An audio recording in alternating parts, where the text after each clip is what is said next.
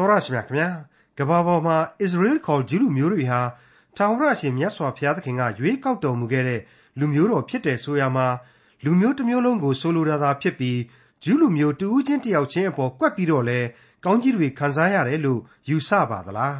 အဲ့ဒီလိုဂျူးလူမျိုးဆိုပြီးမာမာနထောင်လွှားတက်ကြွမှုကြောင့်ဘေဒုက္ခဆင်းရဲတွေကိုတွေ့ကြုံရင်ဆိုင်ကြရတဲ့တက်တည်တာရကတွေလည်းတမိုင်းတလျှောက်စာအုပ်စာပေတွေထဲမှာအထင်ရှားရှိနေကြပါတယ်။ ထိုနည်းတူစွာပါပဲ။ယေရှုခရစ်တော်ကိုမိမိရဲ့ကယ်တင်ပိုင်ရှင်သခင်ဖရာအဖြစ်လက်ခံယုံကြည်ကြတဲ့ခရိယန်တွေနဲ့ဖွဲ့စည်းထားတဲ့အသင်းတော်အဖွဲ့အစည်းတွေဟာဖရာရှင်ရဲ့ကောင်းကြီးမင်္ဂလာတွေကိုခံစားရပြီးကပ်ကာလဘေးဒုက္ခတွေကနေပြီးတော့လဲလွတ်မြောက်မှာဖြစ်ပါတယ်။ဒါပေမဲ့ခရိယန်တူးချင်းတယောက်ချင်းကအသင်းတော်ရဲ့အရေးကိုခိုလုံလိုက်ရင်ငါတော့ယရနာပုံစိုက်ပြီလို့ယူဆရင်တော့အမှားကြီးမှားပါလိမ့်မယ်။ဒီလိုဆင်ခြင်စဉ်းစားစရာအကြောင်းရက်တွေပါဝင်တဲ့ ခရိယန်တမန်ကျမ်းဓမ္မသစ်ကျမ်းပိုင်းတွေကယောမဩဝါဒစာအခန်းကြီးကိုအခန်းငယ်1ကနေအခန်းငယ်9အထိကိုဒီကနေ့တင်ပြရသောတမန်ကျမ်းအစီအစဉ်မှာလေ့လာမှာဖြစ်ပါတယ်။ဒါအပြင်မတူညီတဲ့လူသားတွေရဲ့ခြားနားမှုအကြောင်းရက်တွေပါဝင်တဲ့ယောမဩဝါဒစာအခန်းကြီးကိုအခန်းငယ်1ကနေအခန်းငယ်9အထိကိုဒေါက်တာထွန်းမြတ်အေးကအခုလိုလေ့လာသုံးသပ်တင်ပြထားပါတယ်။သင်သိရသောတမန်ကျမ်းရဲ့မိတ်ဆွေတော်တတ်ရှင်များခင်ဗျာ။ ဒီကနေ့ဒီအချိန်မှာတော့ယောမဩဝါဒစာအခန်းကြီး9ကိုကျွန်တော်တို့ရောက်ရှိလာပါပြီဒီအခန်းကြီး9ဟာကျွန်တော်တို့အဖို့အလွန်ထူးခြားတဲ့အစ်စ်အချိုးအကွေ့တစ်ခုကိုပြောင်းလဲတွေ့စေရမယ်အပိုင်းလို့ကျွန်တော်ဆိုချင်ပါတယ်ဒီအခန်းအတွက်စိစိစုံသဘောပေါက်အောင်နားလည်မှုရှိအောင်လို့ကြိုတင်ပြီးတော့ပနာမအနေနဲ့အစီရင်ခံရမယ်ဆိုရင်တော့ယောမဩဝါဒစာကြံကြီးတစ်ခုလုံးအကြောင်းကိုပါခြုံငုံသုံးသပ်ပြီးတော့ပြန်လဲနှုတ်နှက်ဖို့လိုပါလိမ့်မယ်ဟုတ်ပါတယ် ကျွန်တော်လေ့လာခဲ့တဲ့အခန်းကြီး1ကနေ8အထိဟာအခြေခံကြတဲ့ယုံကြည်ခြင်းသဘောတရားများနဲ့ပြည့်နှက်နေခဲ့ပြီးတော့အခုအခန်းကြီး6ကနေ7အတွင်းမှာတော့အဲ့ဒီယုံကြည်ခြင်းတရားများကိုဖြည့်ဆည်းချက်များနဲ့ပြန်လဲပြီးတော့အားဖြည့်ထားတယ်လို့ကျွန်တော်ဆိုချင်ပါတယ်တခါအခန်းကြီး7ကနေဏီကုံအခန်းကြီး16အထိနောက်ဆုံးအပိုင်းကိုကြတော့ယုံကြည်ခြင်းနဲ့လိုက်လျောညီထွေရှိတဲ့တာဝန်များချထားခြင်းပဲလို့ကျွန်တော်တို့ဆိုချင်ပါတယ် ဒါတွေကိုသူ့အပိုင်းနဲ့သူလေ့လာရင်းနဲ့ပုံမိုပြီးတော့မိษွေတို့သဘောပေါက်နားလည်သွားကြသွားကြရမှာဖြစ်ပါတယ်အဲ့ဒီပထမပိုင်းဒုတိယပိုင်းတတိယပိုင်းတို့ကိုပဲနောက်တစ်မျိုးတစ်ပါးသာဆက်လက်ပြီးတော့ခွဲခြမ်းစိတ်ဖြန့်နိုင်ပါသေးတယ်အဲ့ဒီအပိုင်းတွေရဲ့ဥတီရည်မြန်းရည်ညွှန်းချက်များပေါ်မှာမူတည်လို့ပါပဲပထမပိုင်းဟာကျွန်တော်ပြောခဲ့တဲ့အတိုင်းအခြေခံကြခဲ့တဲ့အခြေခံကြတဲ့ယုံကြည်ခြင်းသဘောတရားများနဲ့ပြည့်နှက်နေတယ်လို့ကျွန်တော်ဆိုခဲ့ပြီးပြီဟုတ်ပါတယ် အဲ့ဒီယုံကြည်ခြင်းသဘောတရားအပေါင်းတို့ဟာယုံကြည်ခြင်းတရားကိုတညီတညွတ်ထိဥတည်ထားတယ်ဆိုရင်မမှားနိုင်ပါဘူးအင်္ဂလိပ်လိုကတော့ faith ပေါ့အခုဒုတိယပိုင်းသို့မဟုတ်အလယ်ပိုင်းဖြစ်တဲ့အခန်းကြီး6ကနေစပြီး7မှာကျတော့လက်တွေ့အားဖြည့်ပေးသောအချက်များအပြည့်အဝပါဝင်တဲ့အတွက်ယုံကြည်သူတို့အဖို့မျှော်လင့်ခြင်းကိုတိဆောက်ပေးတယ်လို့ကျွန်တော်ခံယူပါတယ်ဒါကြတော့ဟုတ်လို့ပြောရင်ရနိုင်ပါတယ်နောက်ဆုံးပိုင်းသို့မဟုတ်တတိယပိုင်းကျတော့ တာဝန်များလို့ကျွန်တော်ဆိုထားခဲ့ပါတယ်ဟုတ်ပါတယ်အဲ့ဒီတာဝန်များကတော့ယုံကြည်သူတို့အတွက်ချစ်ချင်းတရားဆိုပြီးတော့ညှိုးဆူအာယုံပြုသွားစေလိမ့်မယ်လို့ကျွန်တော်ကြိုတင်ဖော်ပြခြင်းပါတယ်အဲ့ဒီလိုကျွန်တော်ကအပိုင်း၃ပိုင်းကိုနီလန်၃သွယ်နဲ့ခွဲခြမ်းလိုက်ပြီးရင်ပြီးရောပြည့်စုံလုံလောက်ရောလို့ကျွန်တော်မဆိုနိုင်ပါဘူးဓမ္မပညာရှင်အသီးသီးတို့ရဲ့တူးချင်းအတွေးတွေဟာတယောက်နဲ့တယောက်မတူနိုင်ပါဘူးနားလေသဘောပေါက်မှုမှလေ တန်ရတန်ရဘက်ကိုဆွဲယူပြီးတော့တွေးခေါ်မျှော်မြင်ခြင်းတွေရှိတတ်ပါတယ်ဒီတော့ယောမဩဝါဒစာကြမ်းကြီးရဲ့နောက်ဆုံးတစ်မျိုးအနေနဲ့အပိုင်းလိုက်ခေါင်းစဉ်တက်နည်းတစ်ခုရှိသေးတယ်ဆိုတာကိုကျွန်တော်ထည့်ပြောရပါလိမ့်မယ်ဟုတ်ပါတယ်ယောမဩဝါဒစာရဲ့ပထမပိုင်းဟာကယ်တင်ခြင်းတရားအလယ်ပိုင်းသို့မဟုတ်အခုရောက်ရှိလာတဲ့ဒုတိယပိုင်းဟာမတူညီသောလူသားတို့ဤခြားနာမှုနဲ့နောက်ဆုံးအပိုင်းတတိယပိုင်းကြတော့အမှုတော်ကိုဆောင်ရွက်ခြင်းဆိုတဲ့ ခေါင်းစဉ်တွေကိုပြောင်းလဲတက်ဆင်နိုင်တယ်လို့လည်းကျွန်တော်ဖြစ်ဆွဲပြရစီ။ဘာပဲဖြစ်ဖြစ်ပြည့်နွန်သက်ဆင်မှောက်မိုက်တွင်းမှကဲတင်ခြင်းတရားပု္ပ္ပာအများအပြားကိုကျွန်တော်တို့ကအခန်းကြီး1ကနေ8အတွင်းမှာကြော်ဖြတ်ခဲ့ကြပြီဆိုတာကတော့အမှန်အခုအခန်းကြီး9ကနေစပြီးတော့ကျွန်တော်တို့တွေ့ရမှာကတော့ယုံကြည်ခြင်းတရားအတွက်ဖြည့်ဆည်းအားဖြည့်သွန်လောင်းချက်များဆိုပြီးတော့ကျွန်တော်ကဖော်ပြခြင်းပါတယ်ဒီအပိုင်းနဲ့ပတ်သက်ပြီးတော့အချို့အချို့သောသူတည်သီးတွေဟာ ယောမဩဝါဒစာမှာမလိုဘဲနဲ့ထည့်သွင်းထားတဲ့ကြံ့ဒီဖြစ်တယ်လို့ပြောတဲ့လူတွေရှိပါတယ်မဟုတ်ပါဘူးအခုအခန်းကြီး6ကနေ7အထိသုံးချမ်းမပါဝင်ဘဲနဲ့ယောမဩဝါဒစာဆိုတဲ့စမ်းရည်စီကြောင်းကြီးဟာတတသွင်သွင်စီးဆင်းမသွားနိုင်ဘူးလို့ကျွန်တော်ခံယူပါတယ်။ဘာဖြစ်လို့လဲဆိုတော့သူဟာသီးသန့်ကန့်သတ်ထားတဲ့ဆယ်ကသိန်းကြီးနှစ်ခုရဲ့ကြားကရည်ရည်မဟုတ်တလို့ဩဝါဒစာကြီးတစ်ခုလုံးကိုအလျင်မပြတ်တသွင်သွင်စီးဆင်းအောင်ဆက်ဆက်ပေးနေတဲ့ကြံ့နေဖြစ်တယ်လို့ကျွန်တော်ယင်ထဲမှာခံစားရလို့ပါ။ တစ်ချိန်တည်းမှာရေးသားသူတမန်တော်ကြီးရှင်ပေါလုရဲ့စိတ်အတွင်းခံစားချက်တွေလွှမ်းမိုးတဲ့ကြံများဖြစ်တယ်။ဩဝါဒစာကြီးတစ်ခုလုံးရဲ့အနှစ်သာရဘိုင်းကိုအားဖြည့်ပေးတဲ့ယုတ်တိဗေဒဆိုင်ရာဖြည့်ရှင်းချက်များပါဝင်နေတယ်လို့ကျွန်တော်သတ်မှတ်ပါတယ်။သူတို့ပါဝင်မှုမရှိဘဲနဲ့ဒီဩဝါဒစာကိုမှန်မှန်ကန်ကန်သုံးသပ်ဖို့အလွန်တရာခက်ခဲနက်နဲလိမ့်မယ်လို့လည်းကျွန်တော်ယုံကြည်ပါတယ်။ပြီးတော့သိအရေးကြီးနေတဲ့အချက်ကတော့တမန်တော်ကြီးရှင်ပေါလုဟာသူအင်မတန်ကျွန့်ကျင်တဲ့ သမိုင်းဆိုင်ရာအချက်အလက်များနေလေဒီကျမ်းတွေမှာလုံလောက်အောင်ထုံမှွန်းသွားမှာဖြစ်ပါတယ်။တမန်တော်ကြီးရဲ့ခံစားချက်နဲ့သမိုင်းအသည့်တရားတို့ဟာဒီအပိုင်းမှာအစပြိုးလိုက်ကြတဲ့ကထင်ရှားနေတဲ့အတွက်ယောမဩဝါဒစာဆိုတာဟာသူ့ရဲ့အုံနောက်ကလာတဲ့ကြမ်းလို့အရန်သုံးသက်ချက်ချမယ်ဆိုရင်မှားပါလိမ့်မယ်ဒါကိုထည့်ပြောရတာကတော့အချို့ပညာရှင်တွေဟာယောမဩဝါဒစာဆိုတာဟာရှင်ပေါလုစဉ်းစားပြီးတော့သူ့အုံနောက်ကယိုစီးလာတဲ့ဩဝါဒဆိုပြီးတော့သတ်မှတ်ကြသလို သူ့နှလုံးသားခံစားချက်တက်တက်နဲ့ရေးသားတာပဲဆိုပြီးတော့ပြောကြတဲ့တရသေးဆွဲယူမှုကလေးတွေလည်းရှိနေလို့ပဲဖြစ်ပါတယ်ဒါဟာကျွန်တော်ရဲ့သုံးသက်ချက်အရာမှားယွင်းတယ်လို့ကျွန်တော်ကဆိုချင်ပါတယ်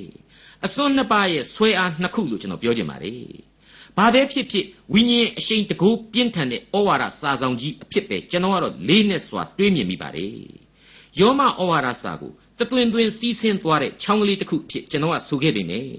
ဒီအခန်းကြီး၈နဲ့၉ရဲ့အပြောင်းအလဲကတော့အတော်တဆစ်ချိုးနိုင်တာကိုတော့ကျွန်တော်မငင်းပါဘူး။ကျွန်တော်တို့အဖို့အခန်းကြီး၈ဟာတက်တက်ကြွကြွနဲ့အပြီးသတ်သွားခဲ့ပါတယ်။အခုအခန်းကြီး၉ကျတော့ဩဝါဒစာကြီးတစ်ခုလုံးရဲ့ရင်နှင့်ပွဲအပိုင်းအခြားကြီးတစ်ခုအဖြစ်ပြောင်းလဲသွားတာကိုအံ့ဩဖွယ်မြင်ရပါတယ်အမှန်တော့ရှင်ပေါလုရဲ့ခေတ်ကာလအခြေအနေရဲ့ရှင်ပေါလုမတိုင်မီကဓမ္မသမိုင်းအခြေအနေရဲ့တို့ဟာအခုကြမ်းပိုင်းကိုလွှမ်းမိုးလာလို့ပဲဖြစ်ပါတယ် အခုကျွန်တော်တို့မျက်မှောက်ခေတ်အထိခရိယန်တို့ရဲ့ယုံကြည်ခြင်းသမိုင်းစဉ်ဟာလေအမှန်အတိုင်းဝေဖန်ရမယ်ဆိုရင်ကယ်တင်ရှင်တရားကိုခရစ်တော်အဖင်ရရှိပြီဆိုတော့ဓမ္မဟောင်းကာလနဲ့သက်ဆိုင်တဲ့ကျင့်စဉ်တွေအစဉ်အလာတွေနဲ့အစွဲတွေကိုအမှုမဲ့အမှတ်မဲ့ပြစ်ပယ်လိုက်ကြတာများပါလေအပြစ်တင်တာတော့မဟုတ်ပါဘူးဓမ္မဟောင်းကျမ်းတွေကပြည့်ညတ်တော်တွေသမိုင်းဝင်ဗျာဒိတ်တော်တွေဟာအသင်းတော်သမိုင်းထဲမှာစိတ်ဝင်ပြန့်နှံ့ပြီးတော့အဆုံးသတ်သွားပြီလို့အများကခံယူလာကြပါလေ ဒါနဲ့ပတ်သက်ပြီးတော့အခုသင်သိရသောသမာကျမ်းရဲ့ဓမ္မပညာရှင်ကြီးဒေါက်တာဂျေဗန်နမက်ဂီယာဒေါက်တာဂျိမ်းစ်အမ်စတစ်ဖလာဆိုတဲ့သူတေသီကြီးရဲ့အယူအဆကိုသူကထောက်ခံထားပါတယ်အသင်းတော်တို့ရဲ့အတိတ်ကာလက Judaism ခေါ်ဂျူးဘာသာကိုလေးစားရမှာဖြစ်တယ်လို့မျက်ပေါက်ခေတ်ကာလဂျူးဘာသာကိုလေဏိကုံးချုပ်ရင်ကောင်းတယ်လို့များရောင်လို့တောင်မယူဆသင့်ကြပါဘူးယေရုရှလင်မှာပေါက်ဖွားခဲ့တဲ့ကနဦးအသင်းတော်ဟာ တကယ်တမ်းဆန်းစစ်လိုက်ရင်ဂျူးလို့ခေါ်တဲ့ပြည့်ညတ်တော်များနဲ့ယေဟောဝါဘုရားသခင်ကိုကိုးကွယ်တဲ့ဘာသာတရားရဲ့အရေးကနေသာပေါက်ဖွားခဲ့ရခြင်းဖြစ်တယ်ဘုရားသခင်ဟာဣသရေလလူမျိုးတော်ကိုခရိယန်အသင်းတော်အားဖြင့်ဖျောက်ဖျက်ပြီးမပြစ်ဘူးဂျူးတို့ရဲ့အခန်းကဏ္ဍဟာဘုရားသခင်ရဲ့သီးသန့်ဗျာဒိတ်တော်များနဲ့အညီရှင်သန်လျက်သာရှိစေဖြစ်ရလိမ့်မယ်ဆိုတဲ့အဖြေပဲဖြစ်ပါတယ်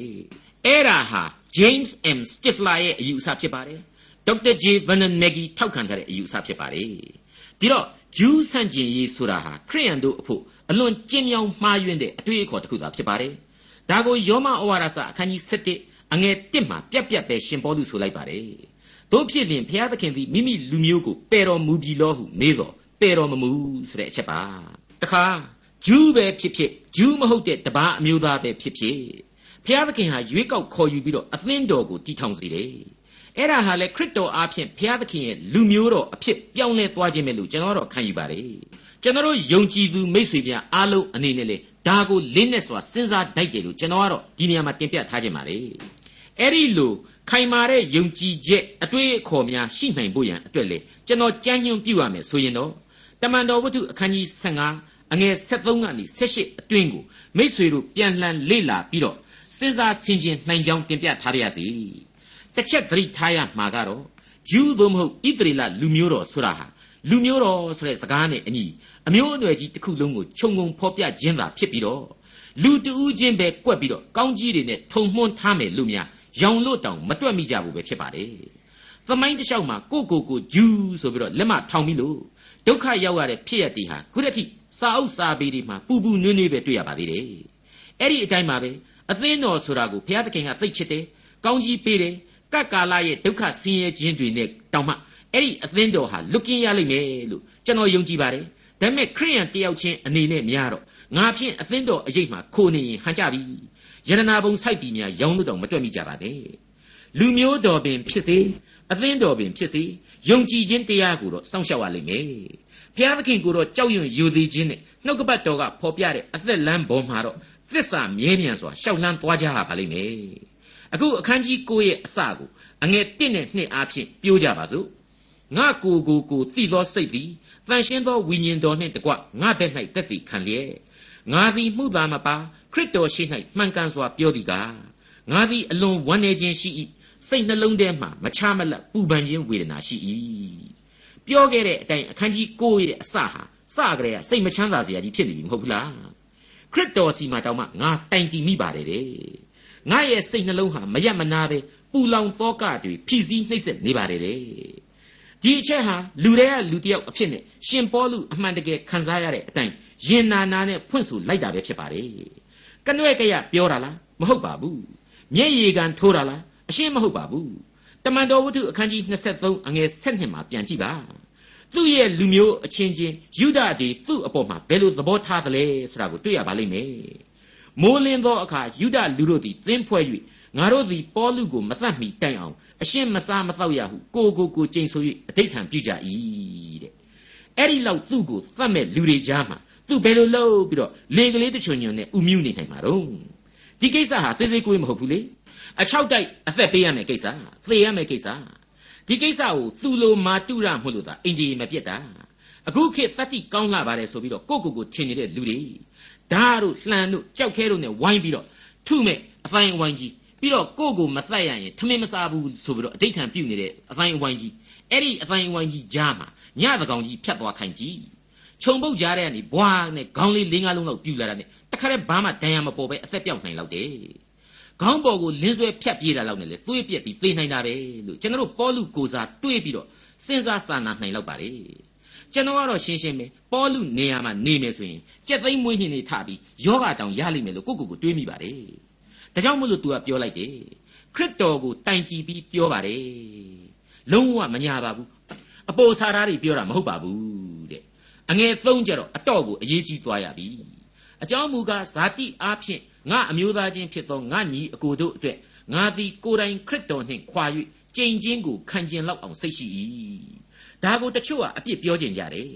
ခရစ်တော်ကယ်တင်ရှင်ကိုတောင်မှစွန့်ကျင်တဲ့ပုံစံမျိုးမို့လို့မကောင်းဘူးတဲ့ဟုတ်တယ်မကောင်းဘူးကောင်းတယ်လို့လည်း तू ကမပြောရှာပါဘူးကောင်းကောင်းမကောင်းကောင်း तू ဟာလူပြီးတော့တစ်ချိန်ကဖာရိရှဲအဖြစ်အမြင့်တွေ့ခဲ့တဲ့တယူသန်သမားဒီတော့တစွတ်ထိုးတွေးမိတာဘာဆန်းတုံး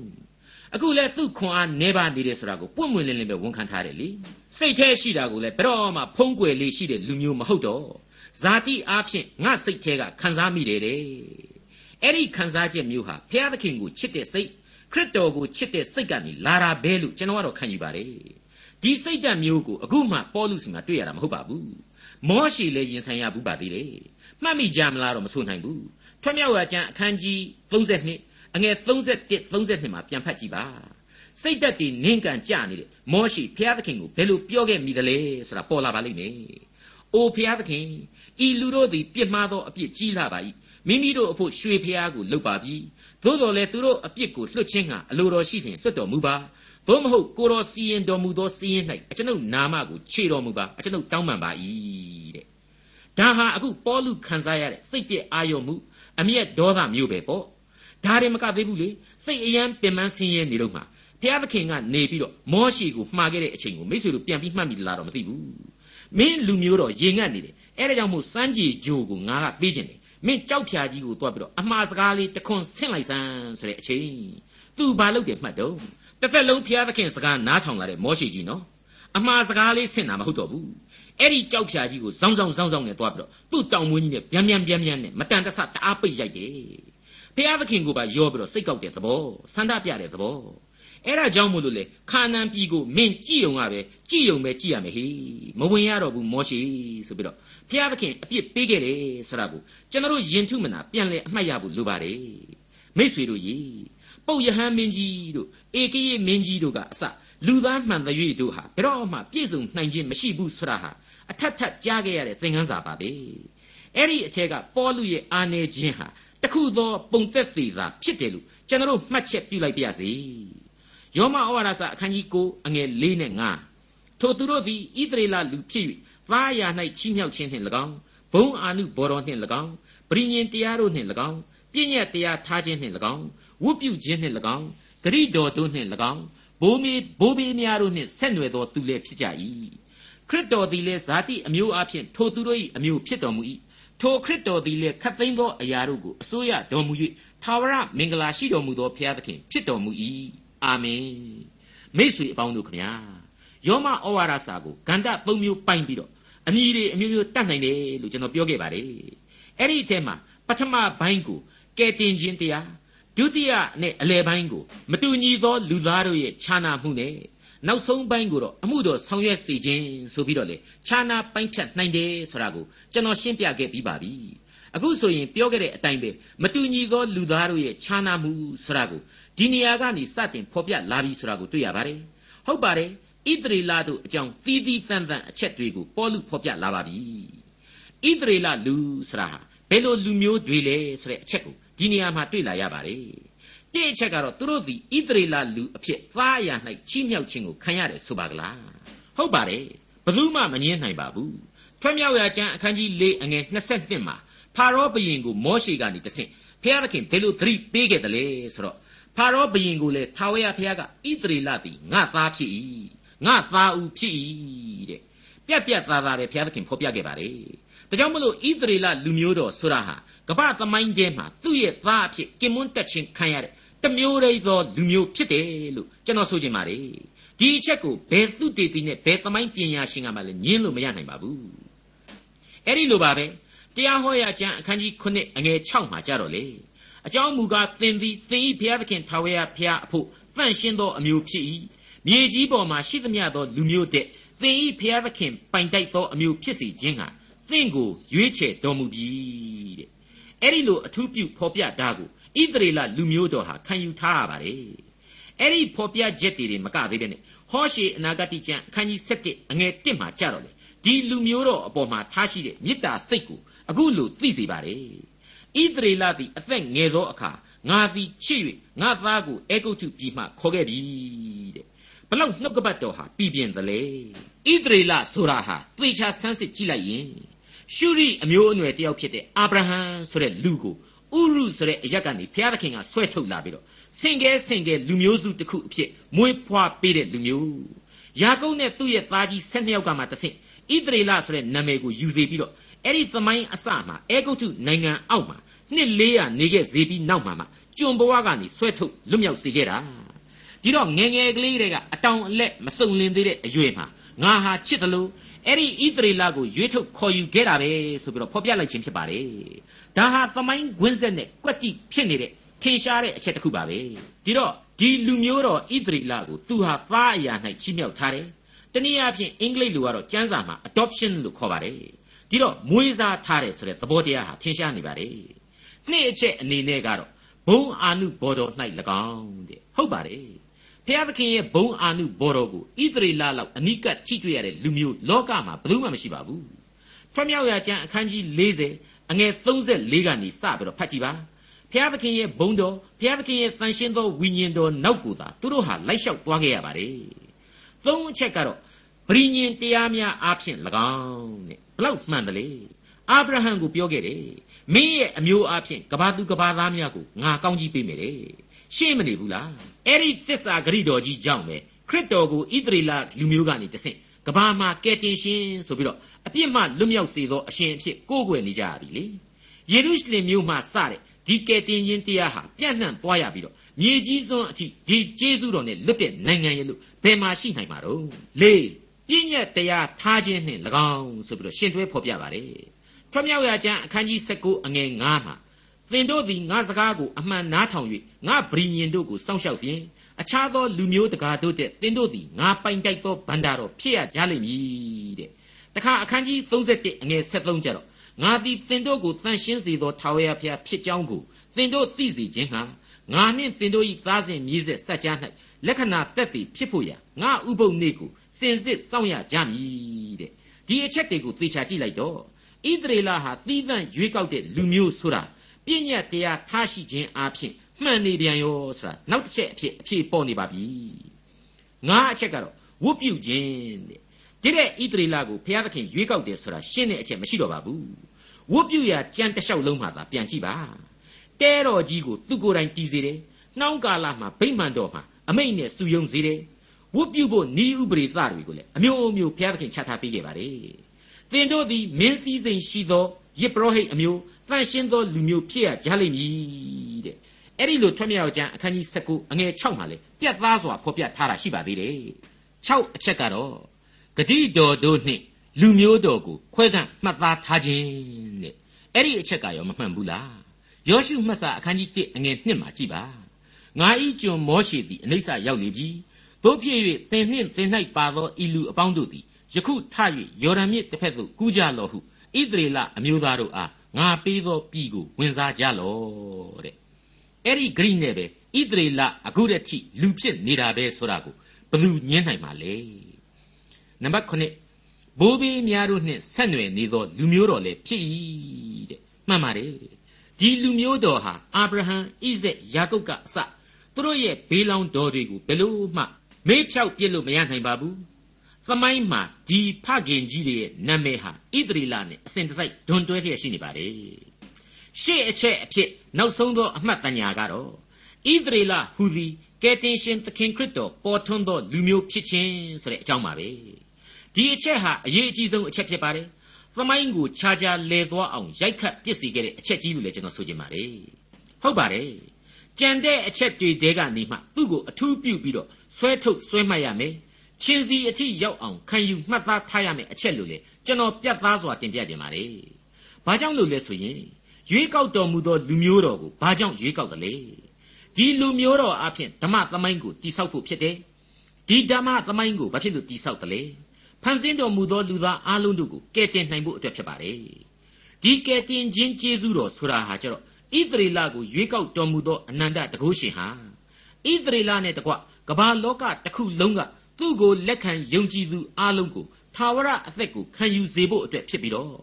အဲ့ဒီကျေးဇူးတရားကိုကိုတော်တိုင်လူစားတီကိုခံယူပြီးတဲ့နောက်ယေရှုခရစ်ဒီဟုသောသားတော်အဖြစ်ဒီလူမျိုးတဲကနေပဲဆင်းသက်ပေါ်ထွန်းစေတဲ့အတွက်ပဲဖြစ်ပါတယ်မိษွေတို့ရေဣသရေလလူမျိုးများအားဖြင့်လူမျိုးတကာတို့ကောင်းကြီးမင်္ဂလာကိုခံရမယ်ဆိုတာဟာအာဗြဟံကိုပေးခဲ့တဲ့ဂရိတော်ဖြစ်တယ် ဒီဂရိတော်ဟာတည်နေပြီဆိုတာဟာရှင်းနေပြီမဟုတ်ဘူးလားသင်သိရသောသမာကျမ်းကိုလိလာသူအပေါင်းတို့အထူးခံယူစေခြင်းတဲ့အချက်ကတော့ဣသရေလဆိုတာဟာထူးတဲ့နာမနဲ့ထူးတဲ့ဘဝကိုရယူခဲ့ရတယ်ဆိုတာကိုရှင်ပေါလုကဖော်ပြခဲ့တယ်လို့ကျွန်တော်ကလည်းအတတ်နိုင်ဆုံးရှင်းလင်းဖွင့်ဆိုခဲ့ပြီးပါပြီဣသရေလလူမျိုးတော်နဲ့ပတ်သက်လို့မငင်းနိုင်တဲ့အချက်တွေလူသားတို့အချင်းချင်းကြားထဲကမှသိသာစွာကွာဟနေတဲ့အဓိကရခြာနာချက်ကြီးတွေပဲလို့ဒီအပိုင်းကိုကျွန်တော်သတ်မှတ်လိုက်ပါရစေ။ ကဲဣသရေလလူမျိုးတော်ဒီတော်ဝင်တဲ့ဘုရားသခင်လူမျိုးတော်ဆိုပြီးတော့ကျွန်တော်တို့မနာလိုစရာလိုသလားမလိုပါဘူးအားကြဖို့ကိုလိုသလားကျွန်တော်ကတော့ရှင်းရှင်းပဲလုံးဝအားမကြဘူးအားကြဖို့လည်းမလိုဘူးလို့ပဲကျွန်တော်တွေးတယ်ဒီကောင်းကြီးဆိုတာဟာလေလူတဦးချင်းကိုပေးတဲ့ကောင်းကြီးမဟုတ်ပါဘူးလူမျိုးတော်သို့မဟုတ် as a nation ကိုသာပေးတဲ့ကောင်းကြီးဖြစ်ပါတယ်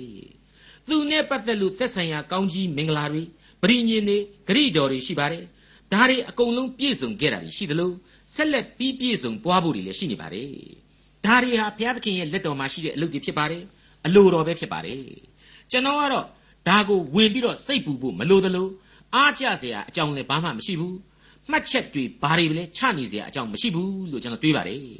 ကျွန်တော်အဖို့အရေးကြီးတာရှိနေတယ်မဟုတ်ဘူးလားဣသရေလကိုရွေးကောက်တော်မူသောဘုရားသခင်ရဲ့ရွေးကောက်တော်မူသောယုံကြည်သူ ရွေးကောက်တော်မူသောယုံကြည်ခြင်းနဲ့ပြည့်စုံတဲ့အသင်းတော်အရေးအာဝါသမှာကိုယ့်ရဲ့ဘဝတည်ဖို့သာလျှင်ပို့ပြီးတော့အရေးကြီးတယ်ကိုယ့်ရဲ့ယုံကြည်ကိုးကွယ်ခြင်းဟာအသက်ရှင်ခြင်းတရားကိုဥတည်နေဖို့သာလျှင်အရေးပိုကြီးပါတယ်အခုကျွန်တော်ရဲ့အသင်းတော်တွေအကြောင်းကိုပြန်ပြီးတော့တွေးကြည့်ကြပါတဲတော်နဲ့ဝိညာဉ်တော်လမ်းပြပြီးပို့ဆောင်ရတဲ့ဣသရေလနဲ့တူပါသလားမတူပါဘူးကျွန်တော်တူးချင်းကိုတန်ရှင်းသောဝိညာဉ်တော်ကျင့်ဝတ်ပြီးတဲ့နောက်တန်ရှင်းသောဝိညာဉ်တော်လမ်းပြပို့ဆောင်တဲ့ခေတ်ကိုရောက်ရှိနေပါပြီ တန်ရှင်းသောဝိညာဉ်တော်ရဲ့လမ်းပြပို့ဆောင်ခြင်းနဲ့အညီဘဝလမ်းကိုဖြောင့်တန်းစွာရှောက်လှမ်းကြဖို့သာပို့ပြီးတော့အရေးကြီးပါတယ်လူတဦးချင်းရဲ့ယုံကြည်ခြင်းအကျင့်တရားသာဖြင့်အထူးလိုအပ်နေပါတယ်ခရစ်တော်ရဲ့ကျေးဇူးဂရုဏာတော်အားဖြင့်ဘ ဖျားသခင်ချထားပေးခဲ့တဲ့ကယ်တင်ခြင်းတရားလမ်းဟာအလွန်တရာပြတ်သားရှင်းလင်းပါတယ်ဒွိဟတန်တရားဘာမှရှိเสียမလိုတဲ့အပြိုင်မရှိတဲ့လမ်းလည်းဖြစ်ပါတယ်ဒီလမ်းကြောင်းမှာတက်တည်ထင်ရှားတဲ့အပိုင်းအခြားကြီးတစ်ခုကိုဘုရားသခင်ဖန်တီးထားပါတယ် ရွေးကောက်တော်မူသောဣသရေလဆိုတာဟာအဲ့ဒီလိုထင်ရှားပြတ်သားတဲ့အပိုင်းအခြားကြီးတစ်ခုအဖြစ်ဘုရားသခင်စီရင်ထားသောလူမျိုးတော်သာဖြစ်ကြောင်းလေးစားစွာတင်ပြလိုက်ပါရစေဒေါက်တာထွန်းမြတ်ရေးစီစဉ်တင်ဆက်တဲ့တင်ပြတော်တမချန်းအစီအစဉ်ဖြစ်ပါတယ်နောက်တစ်ချိန်အစီအစဉ်မှာခရိယန်တမချန်းဓမ္မသစ်ကျမ်းပိုင်းတွေကယောမဩဝါဒစာအခန်းကြီးကိုအခန်းငယ်6ကနေအခန်းငယ်20အထိကိုလေ့လာမှာဖြစ်တဲ့အတွက်စောင့်မျှော်နားဆင်နိုင်ပါတယ်။